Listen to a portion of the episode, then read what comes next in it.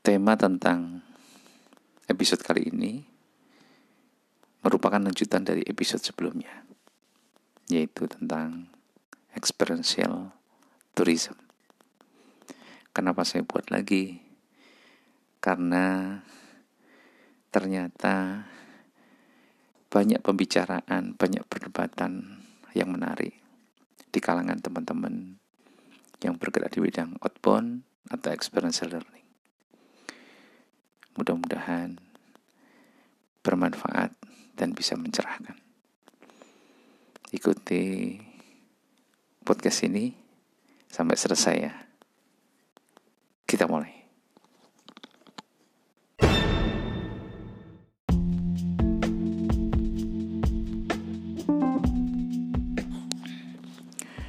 Assalamualaikum warahmatullahi wabarakatuh Salam sejahtera untuk kita semuanya. Ketemu lagi dengan saya, Mas Fasil, seorang fasilitator outbound. Teman-teman semuanya, apa kabar? Ya, ini kalau yang uh, sedang melaksanakan ibadah puasa, kalau tidak salah sudah masuk ke hari ke-12 ya.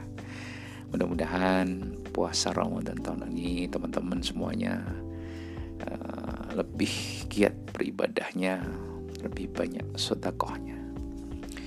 Teman-teman semuanya ini uh, masuk ke episode 71 seperti yang tadi saya buka bahwa merupakan lanjutan dari episode yang sebelumnya akan membahas tentang experiential tourism.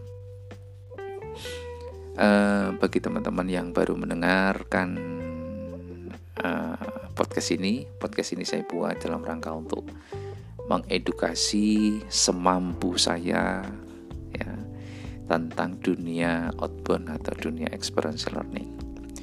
Ya, ini juga uh, sesuai dengan apa ya istilahnya itu cita-cita uh, pengen buat uh, apa format edukasi dalam bentuk audio dan mungkin uh, ya seperti ini uh, metode atau gaya saya sehingga mudah-mudahan teman-teman uh, bisa cocok dan uh, bisa mendapatkan sesuatu dari podcast ini. Sudah ada 70 episode dan di episode sebelumnya saya banyak bercerita tentang outbound itu sendiri mungkin di episode-episode tertentu saya tambahkan cerita motivasi, cerita pengalaman dan lain-lain. Mudah-mudahan bermanfaat. Oke, uh, kita masuk di episode 71 tentang experiential tourism dengan cerita yang berbeda lagi. Oke, kita mulai episode ini.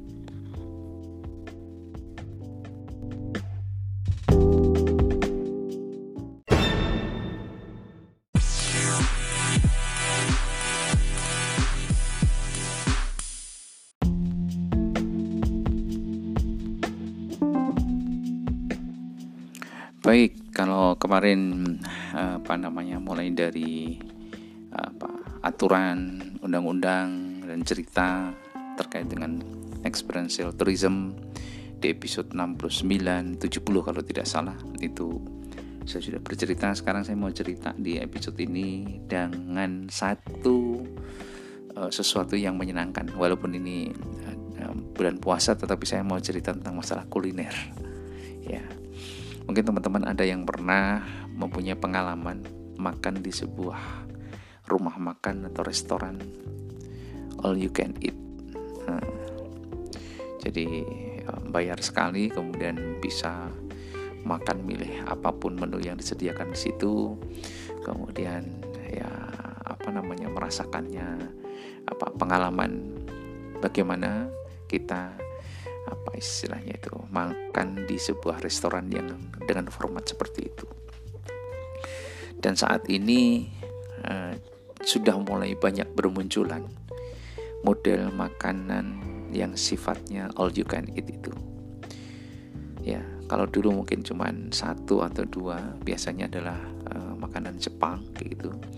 Sekarang itu banyak bermunculan termasuk makanan Korea. Ada bahkan saya dengar-dengar juga eh, menunya adalah menu Indonesia pun juga ada kayak gitu. Ya harganya ya sebetulnya sih kalau dihitung-hitung uh, apa tidak terlalu mahal juga. Ada yang 50 ribu ada bahkan kalau yang paling mahal mungkin sampai 200 gitu ya. Satu orang sekali makan. Begitu kita masuk kita bisa makan banyak itu. Nah ini menarik. Ini sebetulnya kalau dibahas mengenai masalah uh, experiential tourism di bidang kuliner ya ini sebetulnya juga termasuk di dalamnya ya.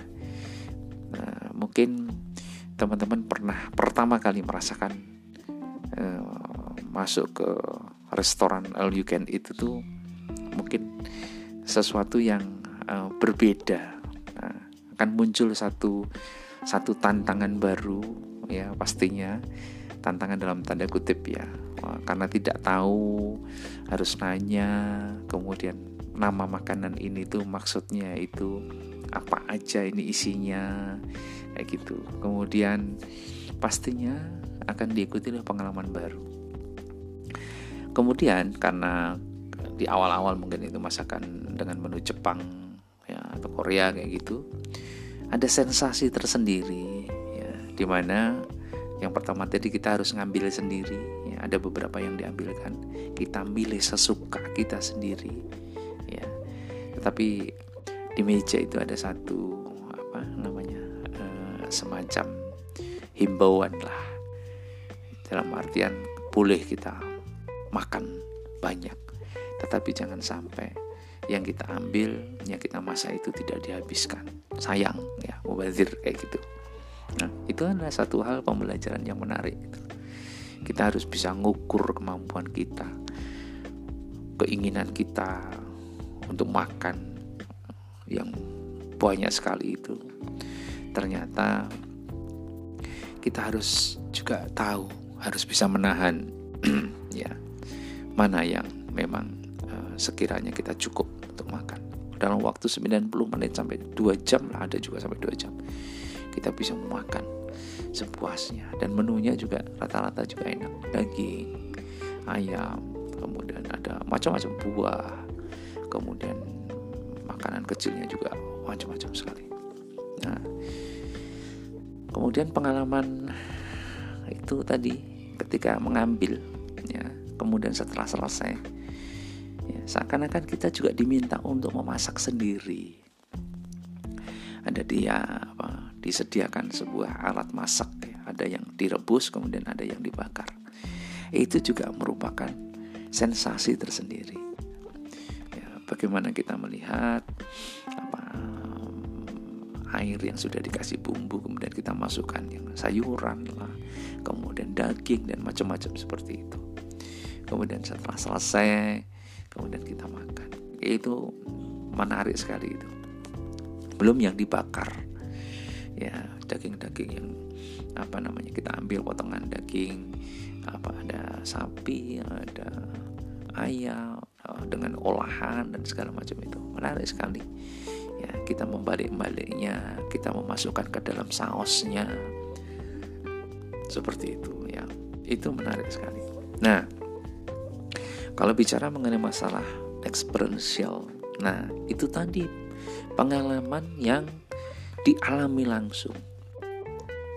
Biasanya kalau format secara umum kalau restoran itu adalah kita pesan menu kemudian setelah itu apa namanya istilahnya kita pesan itu apa di kita tunggu kemudian baru disajikan baru kita makan.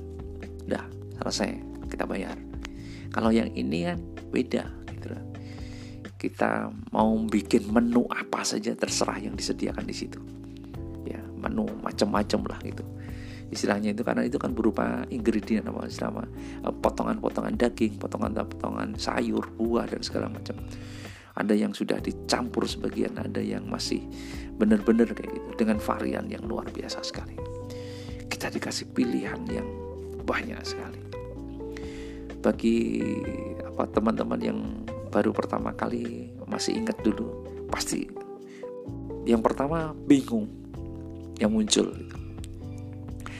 Bingung. Kemudian yang kedua adalah sepertinya pengen makan banyak sekali ambil ini coba ini ambil ini coba lagi ini yang lainnya lagi dan segala macam gitu ya sampai kadang-kadang apa overload lah istilahnya itu. Kenyang sekali itu perut itu ya seperti itu karena berlebihan gitu. Nah tetapi ketika kita melakukan yang kedua kali sudah mulai bisa ngatur kayak gitu. Oh iya pertama kali saya harus makan ini dulu kedua kali akan makan ini ketiga kali akan makan ini terakhir itu saya akan makan ini. Seperti itu. Jadi kalau bicara mengenai masalah experiential kaitannya dengan tourism kuliner ya ya maksudnya itu di makanan itu. Bisa dibayangkan bahwa ini kan satu hal yang menarik dan itu sangat bisa menjual. Dan rata-rata harganya pasti lebih tinggi bahkan kadang-kadang yang terkenal sekali itu kita harus reserve dulu antrinya panjang. Karena apa? Harganya mahal tapi antrinya bisa banyak sekali orang yang tertarik di situ. Jadi harga sudah tidak apa namanya istilahnya itu tidak terlalu berpengaruh lah. Memang ini untuk segmen segmen tertentu ya. Kalau dulu mungkin lebih ke arah middle up gitu. Nah, sekarang itu apa namanya harga yang murah pun ada. Kayak gitu ya. Jadi saya katakan sekitar 50 ribu itu ada. Nah ini menarik.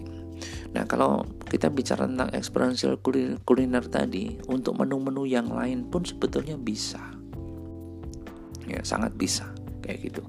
Yang penting itu bukan bukan istilahnya seperti biasa kita menikmati makanan, bukan. Tapi ada satu kreativitas di situ.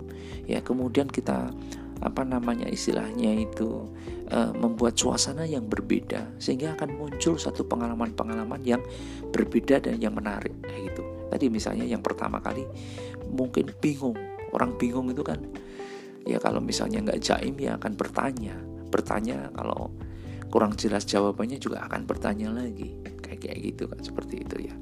Tapi untuk yang kedua kali pasti sudah mulai menikmati. Jadi uh, ini memang perlu satu kreativitas yang luar biasa. Kalau kita bicara masalah experiential, sebetulnya nama saya bilang kemarin ke salah satu mana experiential itu adalah orangnya harus hadir melakukannya sendiri. Di situ akan muncul kesenangan, di situ akan muncul kebingungan, di situ akan muncul pengalaman dan sebagainya. Itu adalah sifatnya personal. Makanya akan lebih menarik lagi kalau supaya unsur dalam tanda kutip tadi kebingungan itu diminimalkan maka perlu butuh seorang fasilitator seorang fasilitator yang pastinya berkompeten di dalam bidang itu kalau tidak malah tambah bingung jadi ibarat kata harusnya melakukan satu kegiatan yang menyenangkan mendapatkan pembelajaran yang bagus, pengalaman yang indah. Tetapi karena faktor misalnya salah satunya fasilitator yang kurang kompeten, hasilnya malah justru sebaliknya. Nah, oke okay ya. Ini apa namanya istilahnya gambaran uh, tentang experiential tourism kuliner dengan ala uh, makan di sebuah tempat uh, restoran all you can eat. Oke. Okay kita lanjutkan lagi nanti uh, kita untuk sementara break dulu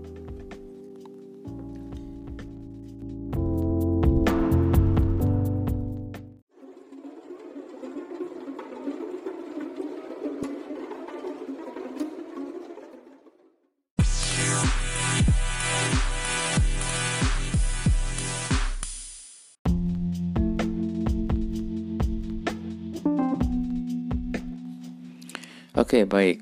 Ya, kembali ke pengalaman makan di restoran all you can eat. Ya, uh, mungkin dari sini uh, sedikit mulai lebih paham lagi bagaimana mengemas sebuah kegiatan atau aktivitas experiential. Ya, kalau yang dikaitkan dengan tourism yang uh, pariwisata yang definisinya saya udah letakkan di episode 69 kalau tidak salah. Itu nyambung sekali. Dan sekarang jumlahnya itu banyak gitu. jumlahnya banyak pilihannya lengkap lah boleh dikatakan. Dan harganya pun juga variatif kayak gitu. Nah hal-hal seperti ini mungkin bisa akan bisa mudah kita ciptakan ya. Untuk kegiatan-kegiatan turisme yang lainnya sehingga kalau kita bicara wisata hanya melihat saja hanya menyaksikan saja ya itu oke okay, gitu ya. Tetapi akan lebih kalau bicara experientialnya itu harus lebih masuk lagi di dalamnya. Kayak gitu. Jadi kalau misalnya kita pengen buka experiential uh, uh, tourism tapi dengan memancing misalnya kayak gitu. Ya di situ kita akan apa kasih penjelasan dulu tentang uh, apa di mana memancingnya kemudian pancingnya seperti apa apa apa aja modelnya kemudian istilahnya itu umpannya seperti apa kemudian jenis ikannya yang dipancing itu seperti apa kayak gitu. Jumlahnya berapa banyak kayak gitu mudah atau tidak dan segala macam. Itu dikasih informasi lah sepintas kayak gitu. Ya setelah itu mereka sudah bisa kasih informasi cukup kemudian melaksanakannya. Kemudian kita tanya bagaimana ketika menunggu? Ya kok umpan itu tidak apa lama dimakan? Itu seperti apa rasanya menunggu itu? Ya nanti bisa dikaitkan dengan macam-macam dengan episode-episode kehidupan yang lainnya kemudian begitu misalnya umpannya kena kemudian ketika ditarik ternyata lepas lagi. Sudah benar-benar kena tetapi lepas lagi itu rasanya bagaimana. Kemudian bagaimana ketika pas betul tarik tetapi ada perjuangannya. Kayak gitu. Dan itu kan macam-macam. Begitu dapat kemudian itu rasanya seperti apa. Dan tempat mancing itu bisa dimodifikasi macam-macam saya punya saudara itu hobinya mancingnya itu malah di kayak di pantai seperti itu. Jadi kaki itu terendam air sampai ke atas lutut kayak gitu. Dan itu sensasinya katanya luar biasa sekali. Ya kalau yang itu tidak dikemas ya istilahnya ya banyak mendapatkan pengalaman itu saja. Setelah itu dapat ikan pulang dimasak dimakan selesai gitu. tapi kalau ini akan kita create menjadi sebuah kegiatan experiential tourism pastinya ya unsur safety juga kita perhatikan. Ya peralatan diperhatikan fasilitator juga menguasai dan sebagainya. Ini yang perlu kita terus kembangkan terus tingkatkan. Kayak gitu. Kembali lagi bahwa bicara tentang experiential itu eh, mungkin yang lainnya juga akan ini faktor pembelajaran ya. Bagaimana membuat sebuah apa ya istilahnya uh, kegiatan itu menjadi menarik itu adalah unsur kreativitas untuk bisa meningkatkan kreativitas pastinya kita butuh yang namanya literasi yang bagus pikiran yang terbuka kayak gitu. Dan jangan baperan itu istilahnya itu. Kita harus baca banyak sekali buku macam-macam lah. Tidak hanya yang berhubungan dengan pengembangan diri atau apa-apa pengalaman di alam terbuka macam-macam kita baca kayak gitu. Kalau bisa kita tuliskan juga kayak gitu. Terus kemudian kita bisa menonton beberapa film atau cuplikan-cuplikan uh, di YouTube dan sebagainya. Kemudian kita buka ruang-ruang diskusi yang sehat. Ini ruang-ruang apa ya istilahnya beradu argumen uh, yang menarik gitu. Itu nanti akan muncul kreativitas-kreativitas. Sehingga ide-ide itu mungkin tidak hanya dari kita sendiri tetapi bisa kombinasi dari orang lain ya. Nanti kita kemas dengan baik seperti itu. Nah, ini sebetulnya esensinya. Jadi potensi kalau kita bicara tentang experiential ini kebetulan di tourism pasti besar sekali. Yang lainnya banyak sebetulnya ya. Di ujungnya ya kita bicara mengenai masalah learningnya itu ya itu adalah sifatnya adalah bagaimana oh, peserta itu sudah kita siapkan sehingga dia mampu untuk mendapatkan learning itu yang paling penting jadi tidak hanya just activity saja bukan. Tetapi kita siapkan dalam tanda kutip itu ya tempat yang sesuai dengan nanti akan muncul learning-learning tertentu. Tidak harus nyaman gitu enggak. Yang penting kan uh, aman kayak gitu. Ya kan mungkin bisa apa ya katakanlah bisa di tempat-tempat yang kurang enak kurang ya, apa istilahnya uh, sangat menantang itu bisa terjadi gitu. Tetapi kita harus memastikan itu aman. Ya seperti itu. Kemudian kalau terjadi risiko kita sudah siap mengantisipasinya. Itu yang paling penting. Nah, kemudian yang kedua itu tadi memberikan satu satu penjelasan ya yang menarik ya. Jangan monoton, jangan apa ya istilahnya itu kurang enak untuk diikuti kayak gitu. Mungkin bisa kita menjadikan sebagai semacam sebuah cerita ya kita tambahkan uh, storytelling kita tambahkan quote yang menarik kemudian kita cerita pengalaman pribadi atau pengalaman orang lain sehingga apa kegiatan yang dilakukan itu akan sangat bagus sekali. Nah kembali lagi bahwa kita nggak usah baper dengan munculnya istilah experiential tourism. Kalau nih baper nanti akan terkaget-kaget kita semuanya. Karena mungkin akan muncul istilah yang lainnya experiential yang lainnya. Karena experiential kemarin saya sampaikan itu ibarat adalah seperti air, metafornya itu seperti air. Ya, nanti bisa masuk ke apa namanya jahe, masuk ke jeruk, bisa masuk ke buah, bisa masuk ke susu, bisa masuk ke apa madu, ah, macam-macam kayak gitu. Ya, jadi jangan terkaget-kaget lah gitu ya. Kalau mau diskusi ya yang terbuka yang nyaman yang enak. Nggak setuju itu boleh ya nggak ada masalah. Ketika nggak setuju nggak punya pendapat pun nggak masalah. Tetapi jangan sampai mempengaruhi atau mungkin menyampaikannya dengan kata-kata yang kurang enak atau kurang nyaman. Gitu. Kalaupun setuju pun juga akan lebih bagus ya gitu. Tetapi dengan argumen-argumen yang yang istilahnya yang uh, baik disampaikan dengan baik. Itu biasa saja kayak gitu. Jadi teman-teman semuanya uh, apa ya sesuatu yang baru itu normal ada pro ada kontra itu biasa. Tetapi kalau kita pengen apa ya istilahnya itu membuat sebuah uh, kalau ujungnya kan peradaban baru ya istilahnya. Tapi terlalu jauh kayak itu. Membuat suasana menjadi masih tetap kondusif untuk belajar, untuk meningkatkan pengetahuan, membuka pikiran, ya kemudian untuk bisa maju ke depan kayak gitu. Ya pastinya kita perlu uh, beda pendapat, saling berargumen, nanti mencari solusi, mencari keputusan bersama atau mencari sesuatu format yang sama sehingga kita bisa melakukan itu untuk kepentingan yang lebih banyak lagi semua bisa mendapatkan keuntungan atau manfaat. Oke, teman-teman semuanya, eh, tidak habis-habisnya kalau kita bicara mengenai masalah experiential, ya kan? Eh, belum kalau nanti muncul experiential yang lainnya itu pasti akan lebih menarik lagi. Tapi is itu uh, biasa saja lah kayak gitu. Baik, terima kasih teman-teman semuanya. Ini hanya pandangan saya saja tentang masalah experiential tourism kurang lebihnya mohon dimaafkan. Mudah-mudahan ada manfaatnya. Karena ini masih pandemi. Ya ini pandemi pun coba sebuah experiential ya. Nanti kita bahas deh di episode selanjutnya.